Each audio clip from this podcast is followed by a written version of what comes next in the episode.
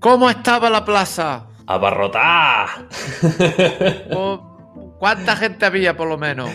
Saps que estava pensant abans amb això, amb el, amb el xiste aquell del 22, però estàs, em sembla que ho has dit, però estàs barrejant coses, no? Lo del 22 és una altra cosa. El 22, No, jo crec, 22, 22, jo crec que 22, deien... ¿Cuánta gente? Mucha gente había en la plaza. ¿Cuánto? Pues como 22. No, no, no, no. Era, el xiste del 22 era d'aquests que estaven cantant el 22, 22, 22. I després algú Sí. preguntava... No, però algú preguntava ¿por qué estás cantando eso? I començava 23, 23. em sembla que era alguna així, eh? Ai, senyor. Com ha anat la, com ha anat la pujada del Puigsegalm? Tot nevat.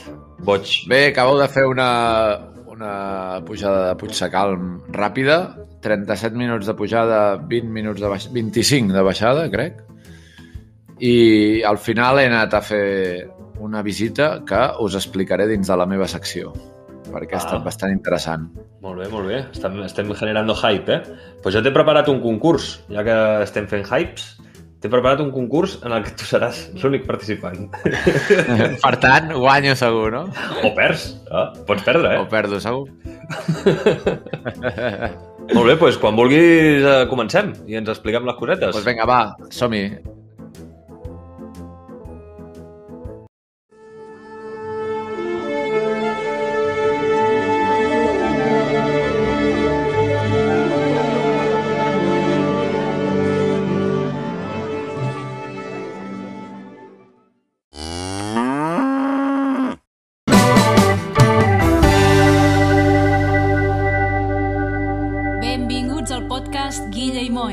Dimarts al vespre, un nou capítol.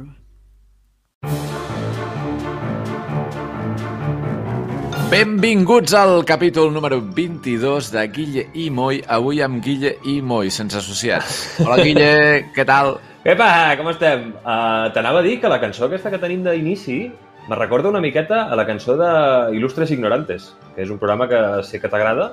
Sé que és una mica així, també. Sempre quan, sempre quan la sento penso, mira, la cançó dels ignorantes. Em dóna, em dóna molt bon rotllo. Per la gent que no conegui aquest programa d'Il·lustres Ignorantes, bueno, que vagi a YouTube, pot, pots pagar el, el Movistar Plus, també, però també pots anar a YouTube i veure capítols, perquè això com que tracten temes que són eterns, pots veure un capítol de l'any 2010 i no passa absolutament res. I són boníssims. Uh, jo ho recomano molt. Amb Javier Coronas, uh, El Pepe Cansado, Colubi i el Javier Pepe. Colubi, sí, no? I dos convidats. Dos convidats. Està bé, està bé, és un bon programa, jo el vaig conèixer aquest estiu i em va agradar molt. L'he vist al Movistar alguns dies i, i al YouTube sí que es veu, però es veu en trossos, o sigui, pots veure parts dels programes, em sembla. Sí, dels, dels capítols més actuals hi ha com un petit tall d'un moment del, del, del programa, però dels més antics estan normalment partits en tres parts i tracten un tema així genèric, jo què sé, los cumpleaños, parte 1, los cumpleaños, parte 2 i parte 3. I és molt curtet, molt divertit, perquè són gent que sap coses impro improvisant sobre temes. És una mica, de fet, en Moi. Aquest... Per Seria això un convidat. Sí, per això m'agrada. Series un convidat ideal, tu, a Il·lustres, eh? Algun dia, algun dia. Jo crec que serà a la nostra cima. Arribar a les 2.000 descàrregues és el següent, el següent objectiu i després que et convidin a Il·lustres. Ja està. Ja, jo ja plego. No, no, no plegarem. Això tindrà 36 temporades. Serem avis i...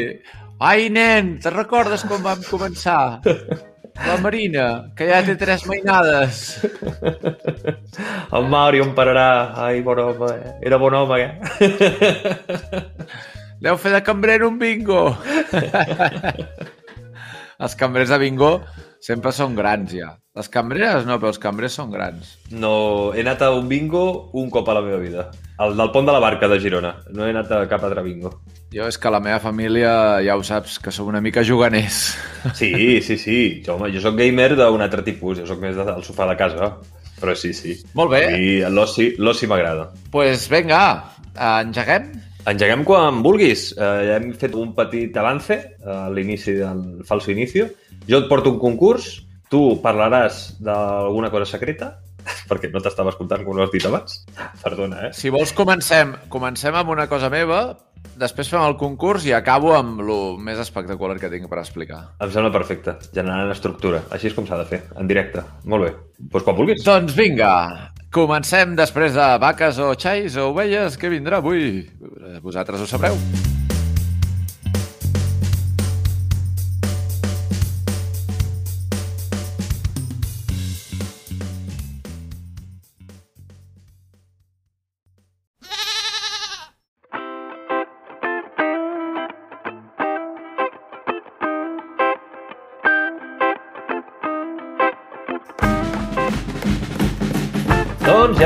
Tornem a ser aquí a Guilla i Moi Podcast després d'aquesta petita intervenció de la nostra amiga de quatre potes. Així val per la cabra o per la vaca, perquè com que no sé què ha sonat encara, pues, eh, quan vulguis, Moi, ens portes un tema que segur que serà molt interessant. Audiència, tots escoltar-lo atentament.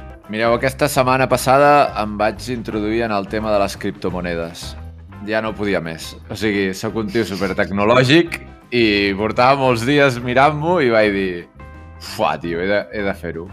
I vaig fer una, una petita inversió en criptomonedes bàsicament per provar aviam què passava, no? Per veure aviam com funciona, perquè si, si tinc alguna cosa d'interès, aprenc molt, no? I ara m'he passat tota la setmana llegint i, bueno, doncs és bastant interessant. I vaig fer, vaig fer una inversió en dues monedes, en dues criptomonedes. Una era Bitcoin i l'altra era Manar. I el Bitcoin, més o menys tothom ja sap de què va. Per tant, me'n vaig al Manar, que és una cosa divertida i distreta, i, i bueno, Manar, Manar a mi, bueno, a banda del grup de música, em, em venen imatges del màgic, de girar les terres per tenir manar. i el Manar en el, a l'època de Jesús era el menjar, el Manar. Sí, sí, sí, era el, sí, era el que els tirava Déu als hebreus, no?, quan anaven per allà pel desert. Sí.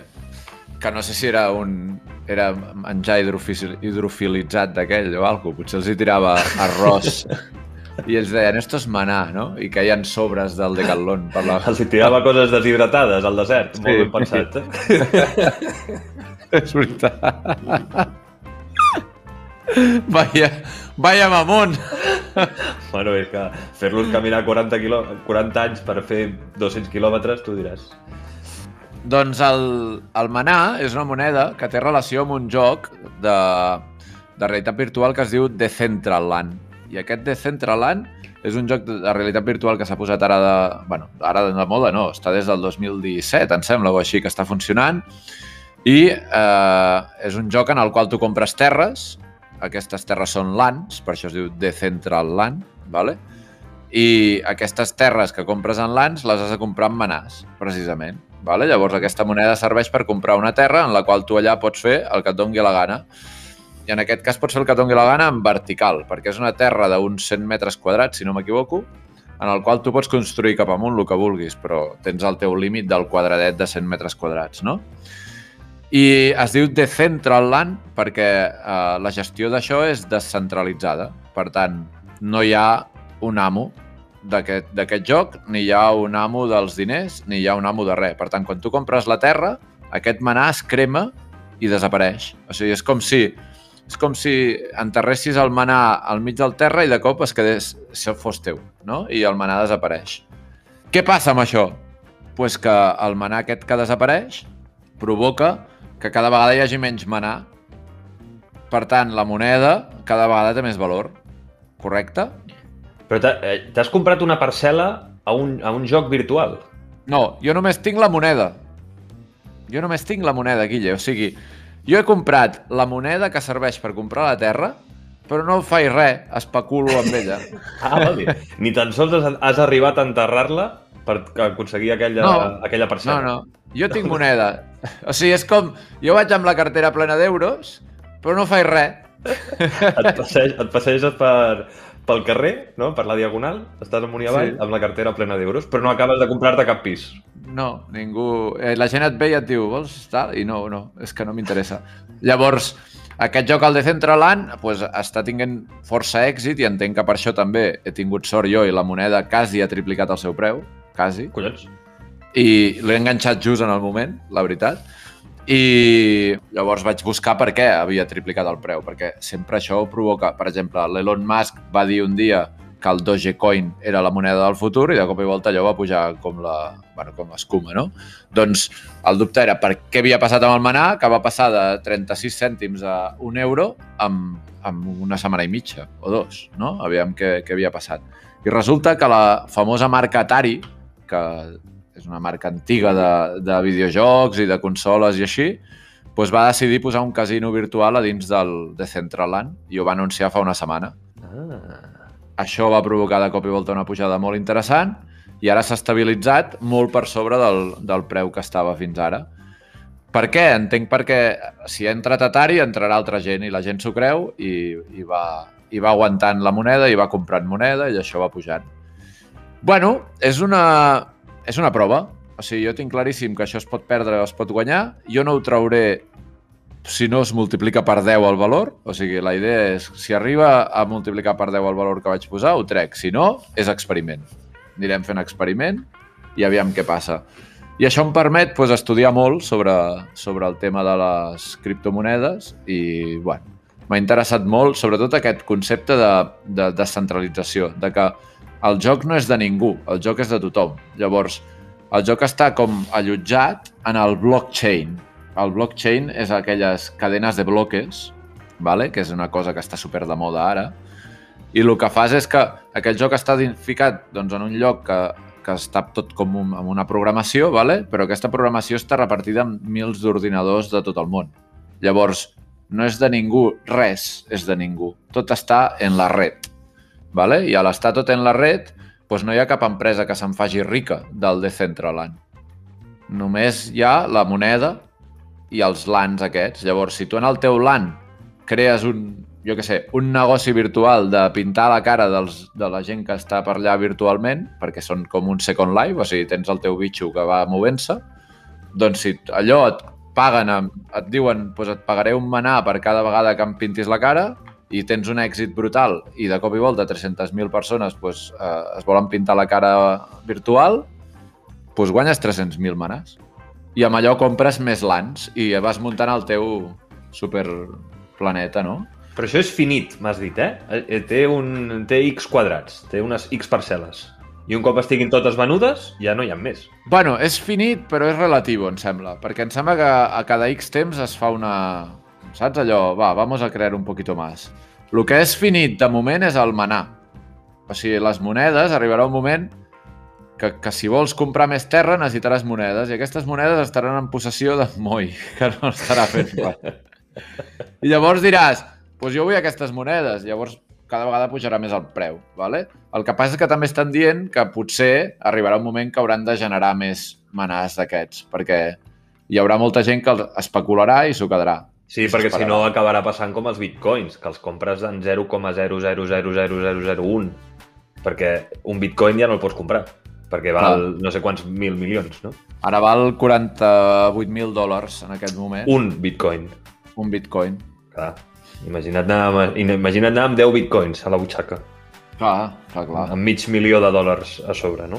És una, jo de bitcoins em sembla que tinc 0,00008 o alguna així vaig fer la compra de bitcoin i de, i de manar i, bueno, us aniré, o sigui, jo us explicaré, vull dir, ja us aniré fent el, la idea de aviam, què va passant, no? De moment està una mica més per sobre del doble ara mateix. Vull dir, va arribar al triple, va arribar a un euro quan el vaig comprar a 0,36, 37, i ara, ara està a un 0,82, 83. Bueno, allà està. I res, que si voleu provar, la idea de tot això és els diners que es proven amb criptomonedes són diners que no podeu necessitar. O sigui, no podeu dir vaig agafar els meus estalvis de 10.000 euros, els ficaré en manar perquè si en Moi l'he sortit eh, em triplicarà. No. Error. Fes un mec aquí. Mec. Error perquè doncs perquè el, els primers dos dies va baixar de 0,37 que ho vaig comprar a 0,18 i en aquell dia dius, ui, això se'n va al traste i m'espanto, ho, ho vens i ja, ja, ja hi ha un lío. Llavors, són coses que has de deixar allà i que, mira, i experimentar. I sobretot llegir i informar-te i hi ha cursos interessants i coses a YouTube per llegir i per veure que, que està bé. Les criptomonedes el que sí que té pinta és que no desapareixen. O sigui, això va cap amunt i ja comencen a haver-hi molts bancs que inverteixen en criptomonedes, moltes empreses importants que inverteixen en criptomonedes. Alguna cosa, alguna cosa d'això en traurem. Però l'has d'encertar. Uh, uh, jo en conec un que va comprar un bitcoin a 4.000 euros i ara val quasi 50.000 euros. Jo vaig, jo vaig comprar un bitcoin i me'l vaig gastar, perquè jo pensava que servien per això. Jo vaig comprar un bitcoin a l'any, no sé, 2000 i alguna quan valia, un bitcoin valia un euro, em sembla que valien, i, i em vaig comprar una cançó del d'aquests de, no, com, com es deia en aquell lloc on te compraves cançons te podies descarregar cançons, un politono, alguna merda així, eh? M'ho vaig gastar amb allò. I ara tindries 50.000 euros. El que tinc és el politono més car de la història, clar.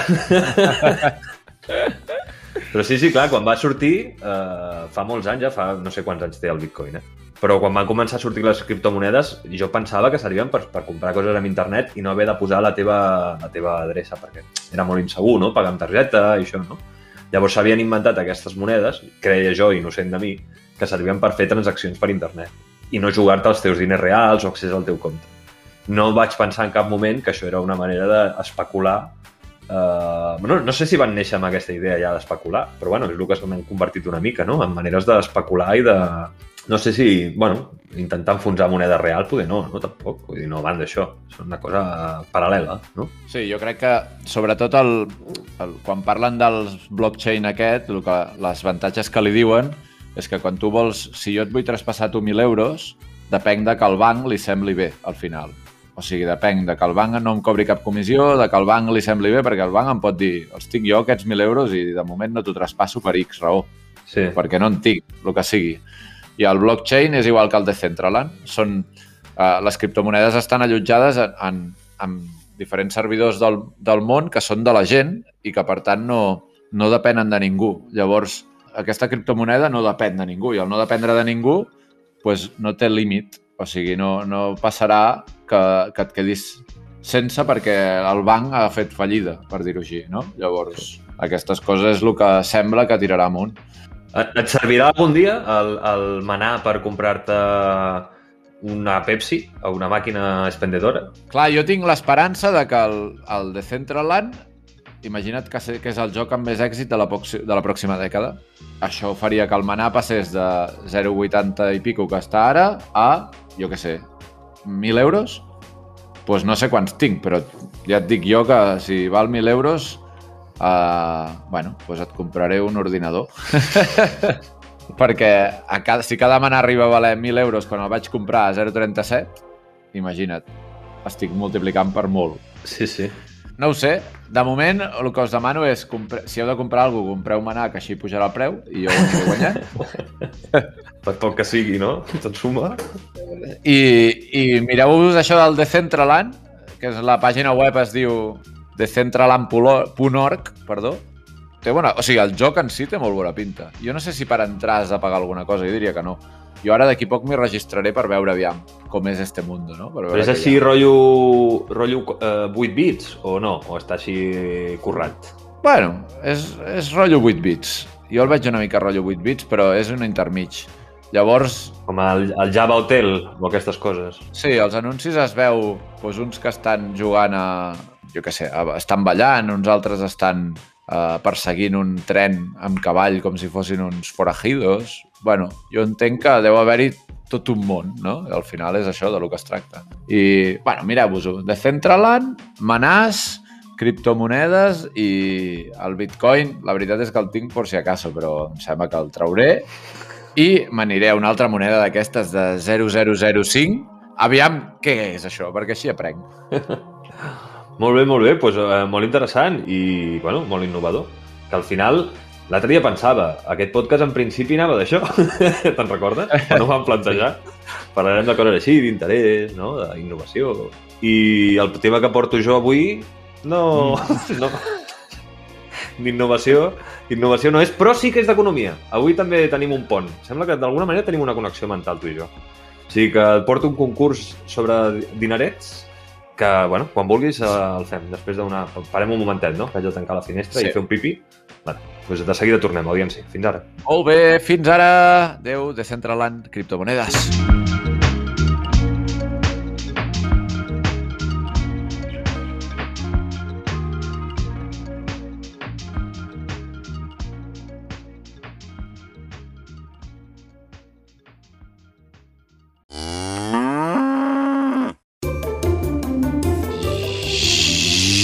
Ja tornem a estar aquí, amics. Bones tardes, amics tots. Estem aquí. Eh, I ara... Això que són proves? A veure quina salutació t'agrada o què? Bones tardes, amics. Avui amb el concurs d'en Guillem. Guillem Moll. Aquesta, aquestes eren, aquestes eren, són les teves propostes per la presentació de, de la meva secció. De fet, ha, ha de sonar la SU. Ha sonat ja? No, sonarà quan li diguem que soni, no? Ah, vale. Aquí som déus. Que soni la SU! Si cada vez que yo te miro no sé qué decir.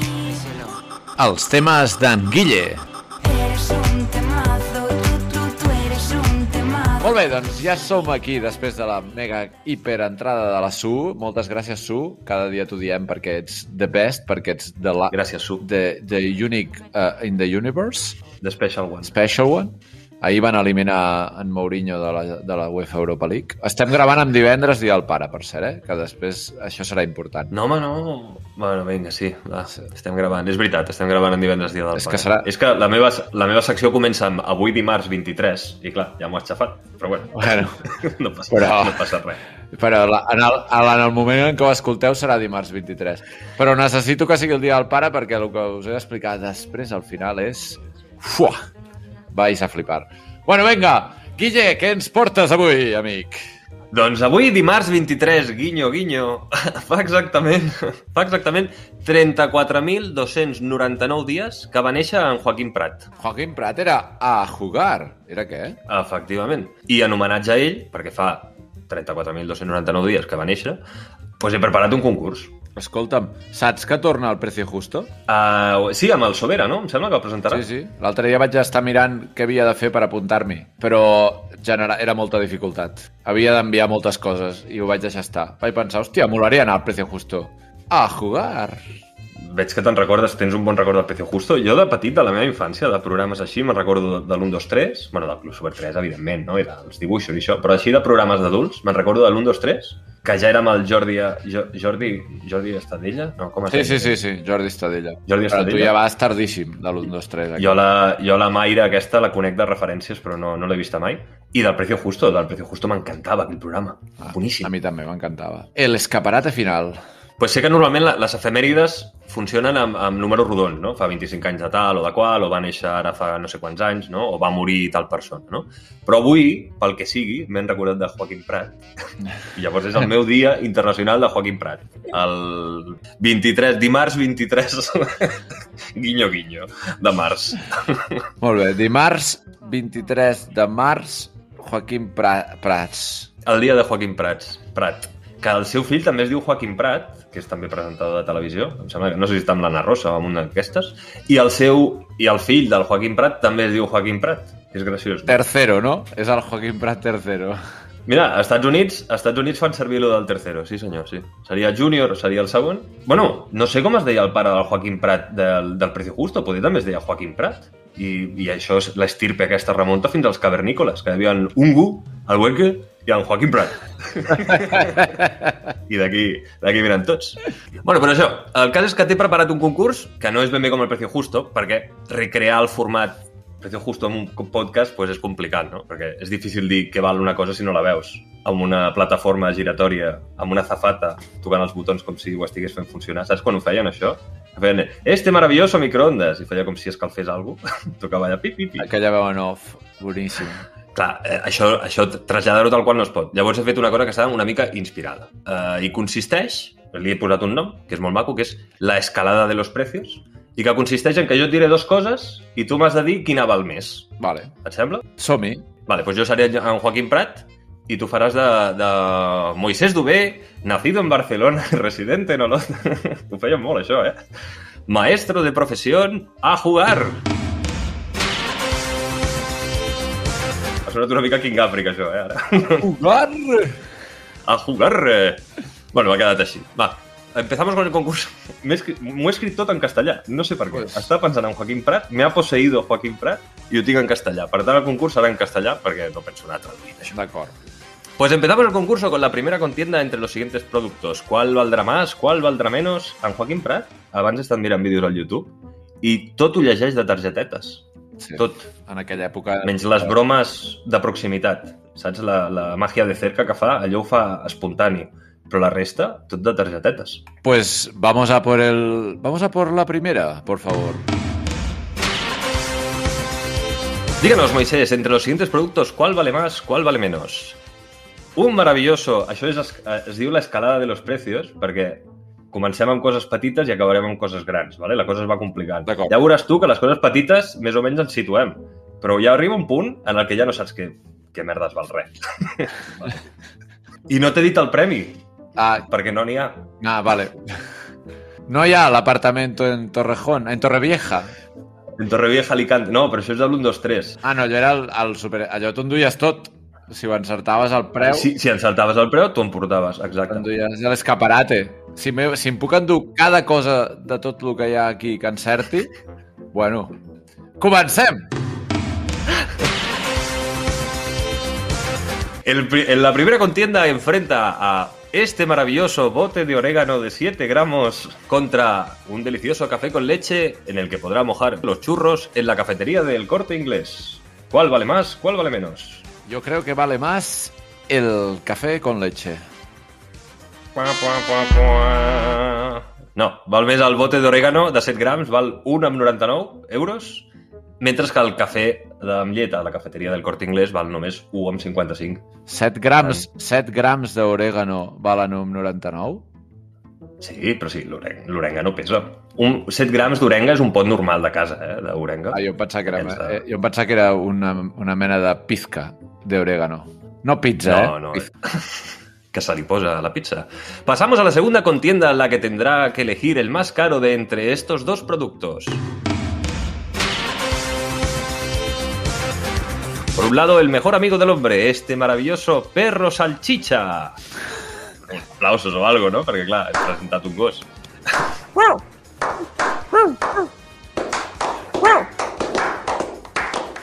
A més, diuen que és com una mà... És una especie de máquina de fer exercici, els perros salchichas. Bueno, els perros en general, ¿no? Y por otro lado, este espectacular lote de 1.500 salchichas Frankfurt Campofrío suministradas en packs de 4 unidades de 140 gramos. És que Perro salchicha contra 1.500 salchichas. Què val més? 1.500 salsitxes. ¡Correcto! 1.500 salchichas con un valor de 705 euros contra los escasos 600 euros que val un perro salchicha. Vale, bueno, pues de moment tinc 1.000 salsitxes de Frankfurt. Si fos així el premi, de moment tinc això. 1.500 salchichas Campofrío que no t'aniran malament. Els gossos salchicha valen a partir de 600 euros, bueno, en poden valdre fins a 1.000 i picos i depèn del pedigrí i tal, però a partir de 600 euros un perro salchicha. Suposo que també hi ha gent que el té que li han donat. Això és evident, no? No tothom se'l compra. Per cert, no compreu gossos, adopteu-los. Ja, ja que estic ho dic. No fomentem les granges de, de papis, de, com es diu? De, De papi? de cadells. Granges de papi. Sí, de papi, de cadell. És que no Ah, papis en anglès. Vale, vale. Sí, sí, sóc així de gilipolles. De vegades... Una granja de pares, pensava. Per què fa No, és que no... És una... Hi ha paraules, t'ho juro, tio. Jo soc, jo soc de Girona i castellano parlant, de tradició, la meva mare ja és alemanya, el que vulguis. Però per què tinc paraules que només sé en anglès? No té cap sentit. Ah, una pausa. Una pausa, que has dit una cosa a la teva mare. Avui baixava del, del Puigsecalm i li he dit al Google llamar a mama. M'ha dit, tienes dos contactos con este nombre. Collons! Quina sorpresa! Mama i Guille Mama. o sigui que podia trucar-te o a la teva o a la meva. M'ha fet molta gràcia. Podies trucar a la meva mama? Ah, mira. Vale, Mama, una abraçada des d'aquí, amb moita, amb moita saluda. Amb moita va cantar el, el cumpleaños feliz, no fa, no fa gaires programes. Bueno, de recordes? Sí, sí, vaig, vaig estar... Li vaig enviar un missatge, em sembla, pel seu aniversari, diria, al final i tot. No, no, jo no corresponc. No sé quin és l'aniversari de la teva mare, tio. Bueno, doncs ja ho descobrirem. Sí, sí, sí, ja ho trobarem el dia que toqui. Continuem amb el nostre superconcurs eh, La escala de los precios. Som-hi.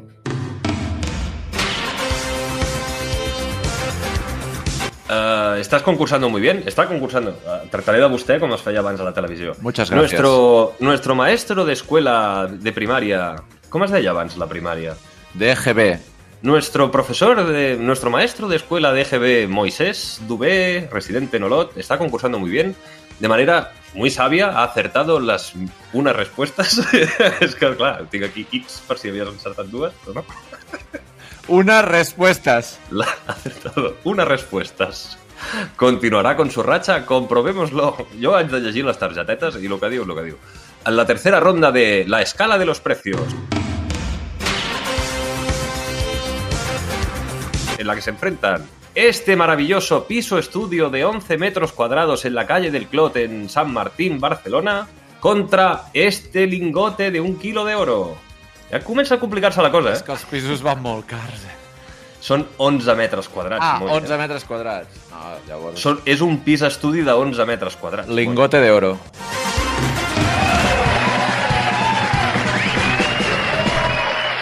Correcto! El lingote de oro val, val 2.000 euros més que un pis de 11 metres quadrats. Eh? El lingote d'or ara mateix està a 46.704 eh, euros Mira, com un bitcoin. i el... Sí, pues sí. I el, I el pis estudi que he trobat a la web aquesta fotocasa, 42.900 euros. 11 metres quadrats, que no té ni lavabo, ni cuina, ni res, que és una habitació, és un dormitori. Però li diuen pis, pis estudi. I es ven independent, eh? Com estan, com estan les coses, eh? Bueno, tinc 1.500 frankfurts i un lingote d'oro. Després, Quins premis més alternatius. al final t'ha- t'hauràs de quedar amb una de les coses només, eh? Hauràs de triar al final.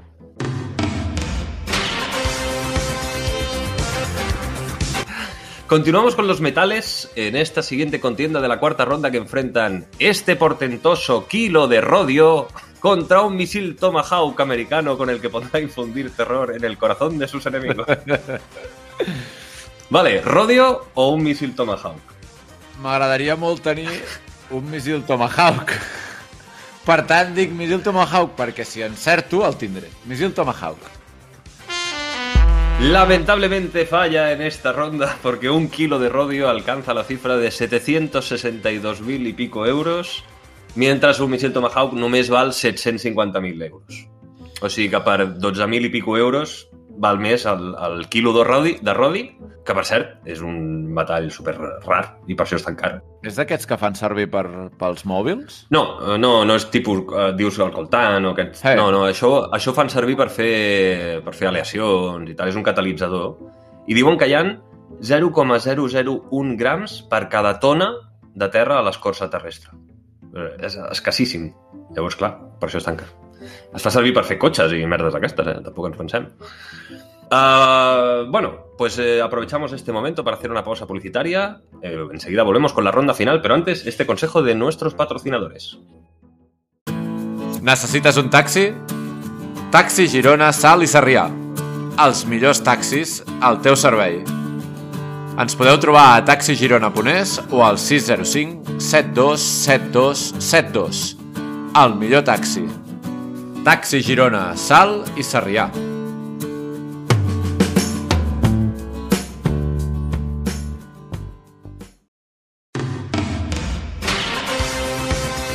Continuamos en nuestro concurso La escalera de los precios para pasar a la ronda final. Se complican las cosas para nuestro concursante Moisés, que recordamos hasta ahora acumula las, ciento...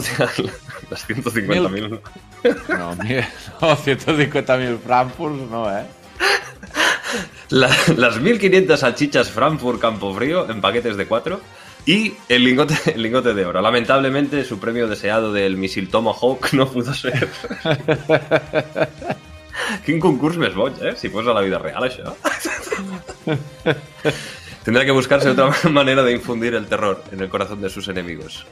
Ah, empezamos la ronda final con un choque de trenes. Concretamente, entre esta locomotora eléctrica Siemens ACS-64, con la que podrá realizar el viaje de sus sueños, y en el mismo carril, pero en sentido contrario, encontramos la cabeza del indómito Osama Bin Laden del año 2010. ¿Qué vale más? No entès la segona cosa. La, la, cabe- Ah, la, ell, el preu d'ell. la cabeza de Osama Bin Laden. Què val eh, com a, o sigui, una recompensa que li donen per Osama Bin Laden. Ah, vale. O una locomotora Siemens ACS-64. Que tornem a, És elèctrica, eh, la locomotora? Només et dic això. tornem a lo mateix. Em fa bastanta més il·lusió tenir la locomotora que el cap del Bin Laden. Per tant, la locomotora. Guau, guau, guau, guau. Lamentablemente, por la locomotora solo piden 5,59 millones de euros, mientras que la recompensa por Osama Bin Laden era de más de 50 millones de euros. Lamentablemente, no podrá ser. Te quedas con las, las salchichas de Frankfurt y el lingote de oro, que no es moco de pavo. Si le encanta volar pero detesta hacer cola en los aeropuertos, le interesará conocer el valor de este fastuoso Boeing 747. Pero si lo que prefiere es estar cómodamente en su hogar, imagínese cómo disfrutaría contemplando nuestro siguiente producto, la Gioconda de Leonardo da Vinci. ¿Cuál vale más? ¿Cuál vale menos? Jo és que jo crec que la Gioconda és infinit el preu. La Gioconda. ¡Correcto!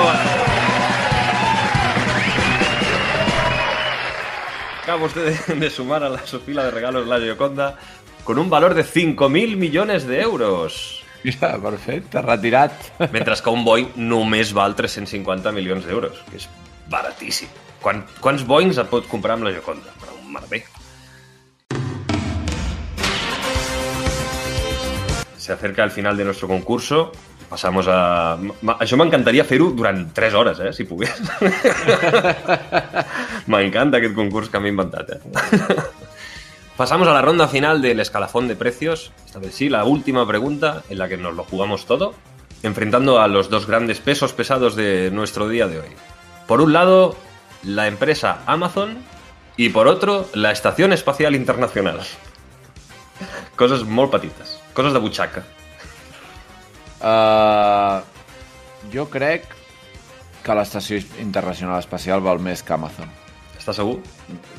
Em fa més il·lusió tenir una, inter... una estació internacional espacial. Guà, guà, guà, guà. Malauradament, l'estació l'Estació Espacial Internacional només val 150.000 milions d'euros, mentre que Amazon es calcula que val 220.000 milions d'euros. Per tant, quasi, quasi el doble. Bueno, sempre em quedarà el lingote d'oro. Bueno, o les salchichas. Ara et toca triar. No, tenia una... tenia- I la Gioconda, eh? Ah, y la Gioconda, la Gioconda. En el panel final podrá usted elegir entre las 1500 salchichas de Frankfurt Campofrío eh, en paquetes de 4, la Gioconda de Leonardo da Vinci o eh, un mísero lingote de oro, que puede tener cualquiera. Doncs, a veure, el lingot d'or és una cosa que és molt material i no m'interessa molt. La Gioconda mai he estat enamorat de l'art, per tant em quedo amb els 1.500 paquets de Frankfurt.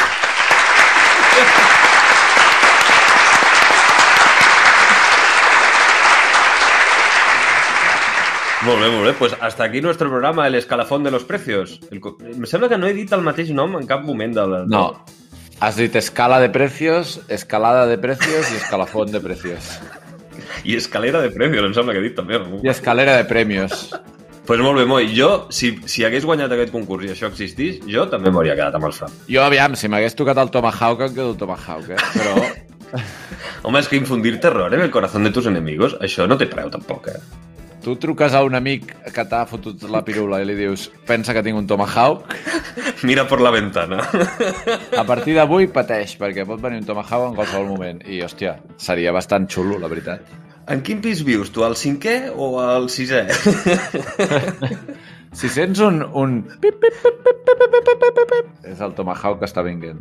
Jo continuo pensant que jo- segurament jo el que em quedaria és el perro salchicha. Sí, també, també és veritat. Jo els Frankfurts ara mateix no en menjo gaires, però, bueno, però em faria il·lusió perquè, a més, seria un premi que podria compartir, no? Perquè és Home. impossible. Per tant, hauria de dir, regalo paquets de Frankfurts a tothom. Podries muntar... Sí, sí, podries muntar una, una orgia, anava a dir. Una barbacoa. Una orgia amb Frankfurts és bastant heavy. Però estan blandurrios, allò no ho serveix per res. No. El, però una barbacoa sí que podries muntar. Una bona barbacoa, allò. I convidar a tot Olot a un Frankfurt, pràcticament. La frankfurtada d'Olot. Mira, seria, seria preciós. Muy bien, ¿puedo saludar? Sí, sí, por supuesto, salude. Saludo a mi madre que va a explicar un chiste ahora mismo. Saludo a mi familia que me está escuchando. Y saludo a, a toda la gente que, que nos quiere y que ama este programa. Muchas gracias.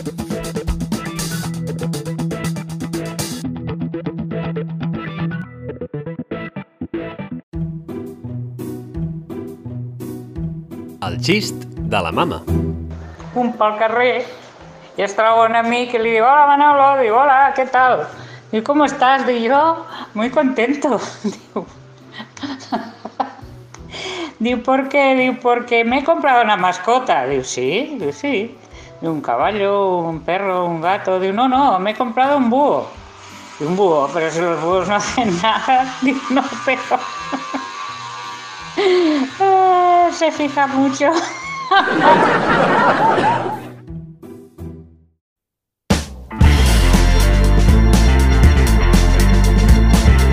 moltes gràcies pel xiste. Uh, una, una setmana més ens fa riure. I continuem amb en Moi, que ens volia explicar una cosa. Ens ha deixat abans un cliffhanger molt intens. Així que, no sé, no sé si poder... Atmosfera una miqueta, no? Anem a posar una mica d'atmosfera.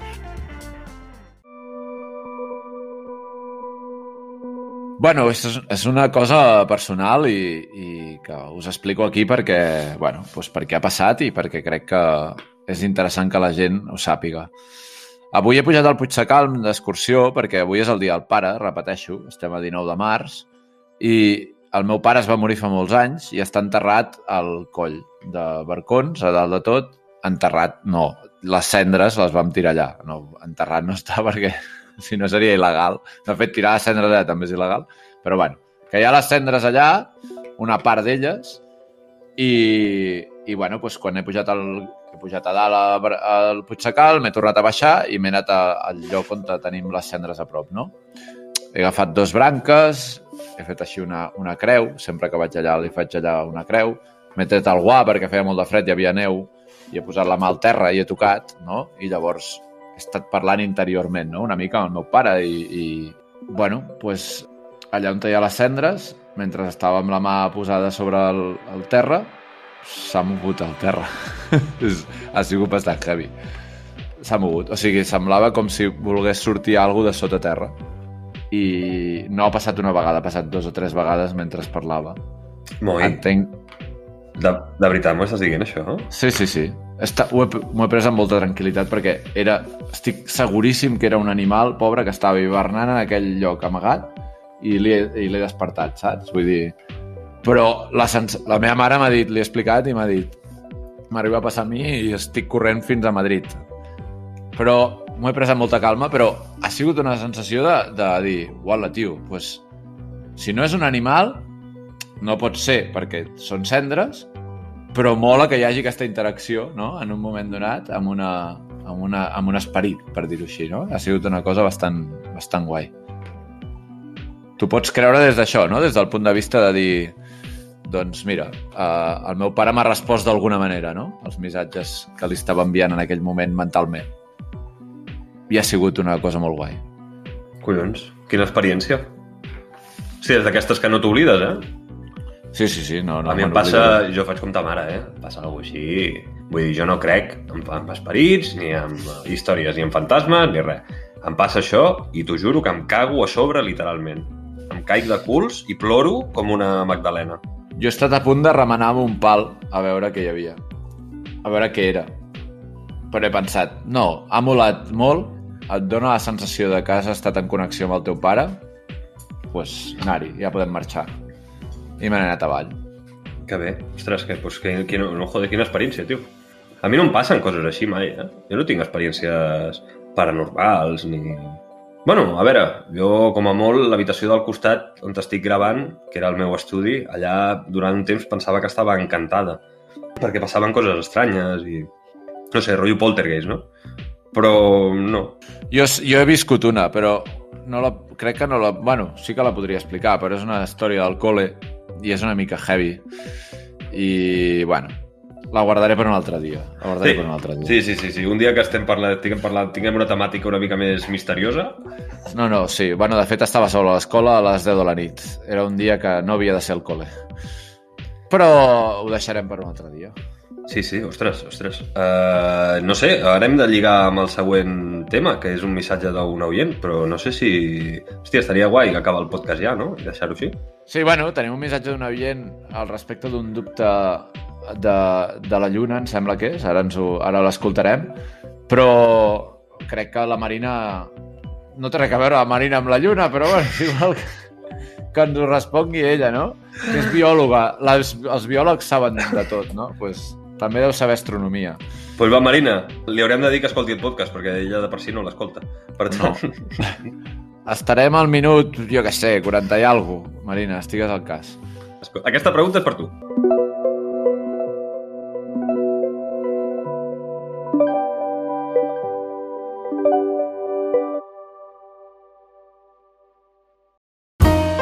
Tens alguna cosa a dir? Vols fer-nos companyia? Envia els teus missatges de veu a ja.cat barra guillemoy sms.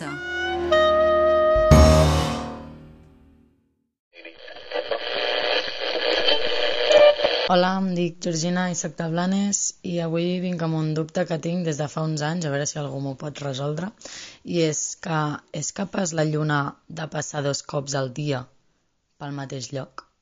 En plan, pot arribar a donar dos voltes en un dia? És que la meva família se'n riu de mi, tio.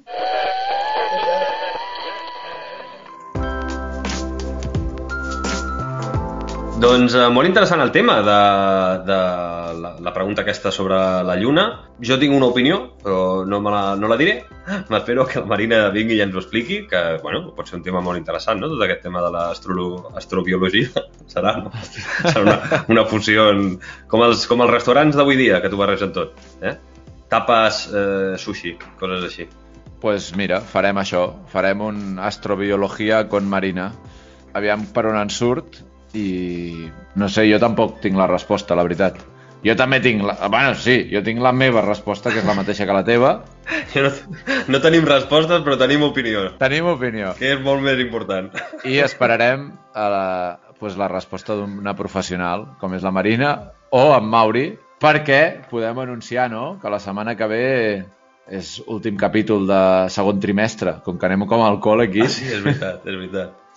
Xistes de médicos, és veritat. Per tant, eh, la setmana que ve, extra eh, capítol final de segon trimestre, amb Mauri, amb Marina, amb Moi, amb Guille, amb xiste de la iaia, de la mama, i tothom que es vulgui apuntar. Sí, i amb tots vosaltres, esperem, no? I, bueno, a partir d'aquí, la Setmana Santa la deixarem amb tranquil·litat. Uh, de fet, rebreu el, cap el capítol el rebran per Setmana Santa. Correcte? És que no sé quan és. Saps què passa? Jo amb la Setmana Santa em lio molt, perquè cada any toca un dia diferent. Hauria de ser sempre el 14 d'abril, ja està. El dia 30 de març serà el capítol especial i llavors la setmana següent, el dimarts aquell, mira, si ens ha donat temps, farem capítol i si no, hi haurà, hi haurà vacances, tu. La cosa funcionarà així. Perquè la Setmana Santa, aquest any, em sembla que tothom la vol aprofitar una mica per fer moltes coses. Per tant, potser descansarem i aquell dimarts, dia, no sé, aquell dia potser no tindreu programa. Serà dimarts 6, em sembla, o 5. No hi haurà programa i, i ens esperarem a la següent setmana, tu. Bueno, doncs Guille, res més. Bueno, espera, espera, espera, espera, abans de- abans d'invocar ah. abans d'invocar els, els, uh, els esperits mexicans. Espera, espera, espera. Uh, Instagram, Guille i Moi Podcast, Twitter, Guille barra baixa Moi. El Twitter, a l'Evox l'he abandonat completament, ja us ho dic ara. No, escolte, no ens escolteu per l'Evox. De fet, si tens l'Evox no estàs escoltant aquest missatge perquè no pujaré aquest capítol a l'Evox perquè em dóna molt de pal, s'ha de fer a part. Eh, Tenim tres oients d'Evox que es vinguin amb la resta a Google Podcast, a Apple Podcast, que per cert a Apple Podcast ens van felicitar perquè som top. Ara m'he tirat una floreta gratis. El, òbviament a Anchor, òbviament a Spotify, vull dir, no cal l'Evox, vale? O, ens, ens oblidem. Et sembla bé, Moi, que ens oblidem? És una cosa que estic decidint jo unilateralment ara, eh? Sí, sí, em sembla perfecte. Estava mirant si havíem millor, millorat el tema nostre. Si no hem millorat, no diguis res, vale? Mm, és que no ho sé. Quants seguidors No tenim ara a l'Instagram? Però veig que un, hi ha una persona que es diu Pere Punyetes 2 que ens ha mencionat en el en a Instagram. I no sé qui és en Pere Punyetes. Super sorteig. S'acaba el confinament comarcal i ho celebrem amb un gran sorteig de Parc Hotel Sant Jorge. I diu, podeu guanyar una nit d'hotel etiquetam qui voldríeu gaudir d'aquesta escapada. I som nosaltres. amb Guille i Boicot Podcast, tu, el senyor Pere Punyetes 2, volen amb nosaltres. No sé quin tipus d'escapada tens al cap, però punyetes, però jo no puc anar. Tinc dentista aquell dia. Que fort, tio. Estic flipant, no, no ho havia vist això encara. Bueno, doncs mira, gràcies per participar per nosaltres en aquest... Segur que si et toca no vindràs amb nosaltres, però bueno, però, però ha quedat bé, ha quedat bé. Pues sí, sí, 102, 102 uh, Ah, seguidors. Bueno, ens mantenim, mira, com a mínim ens mantenim. I al Twitter jo ja fa dies també que no, que no miro lo dels seguidors perquè, bueno, no cal, Tuit- tampoc fer sang. Twitter, 16 seguidors. Ah, doncs hem pujat. Hòstia, molt bé, eh? Molt bé, molt bé, a poc a poc, eh? Anem a pas de tortuga, però anem pujant. Això vol dir, amb aquesta progressió, amb 200 anys, tindrem 1.000 seguidors. Sí, sí, sí, segurament. Bueno, molta paciència, anar fent. Dels 16 seguidors, 3, 4 som nosaltres mateixos. Per tant, en queden 12. I els altres n'hi ha uns quants familiars. Bueno, faci- és que, què volen que us digui? Al Twitter, l'altre dia vaig fer un tuit super profund perquè em va semblar que era una cosa que havia de fer i, jo crec que vaig tenir tota la raó del món.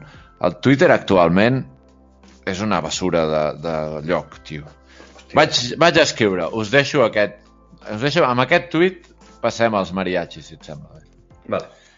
En un món on el Twitter serveix per insultar i enfadar-se, Instagram per mostrar la teva millor cara, Tinder per lligar amb promeses absurdes, els Bitcoin per somiar i TikTok per no fer activitats culturalment més interessants i perdre hores. Què podem esperar?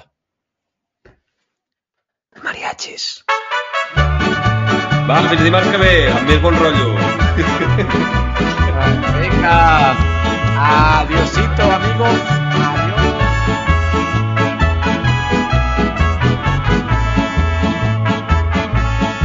Yo voy a cantar esta canción, yo voy a cantar esta canción para mi gente.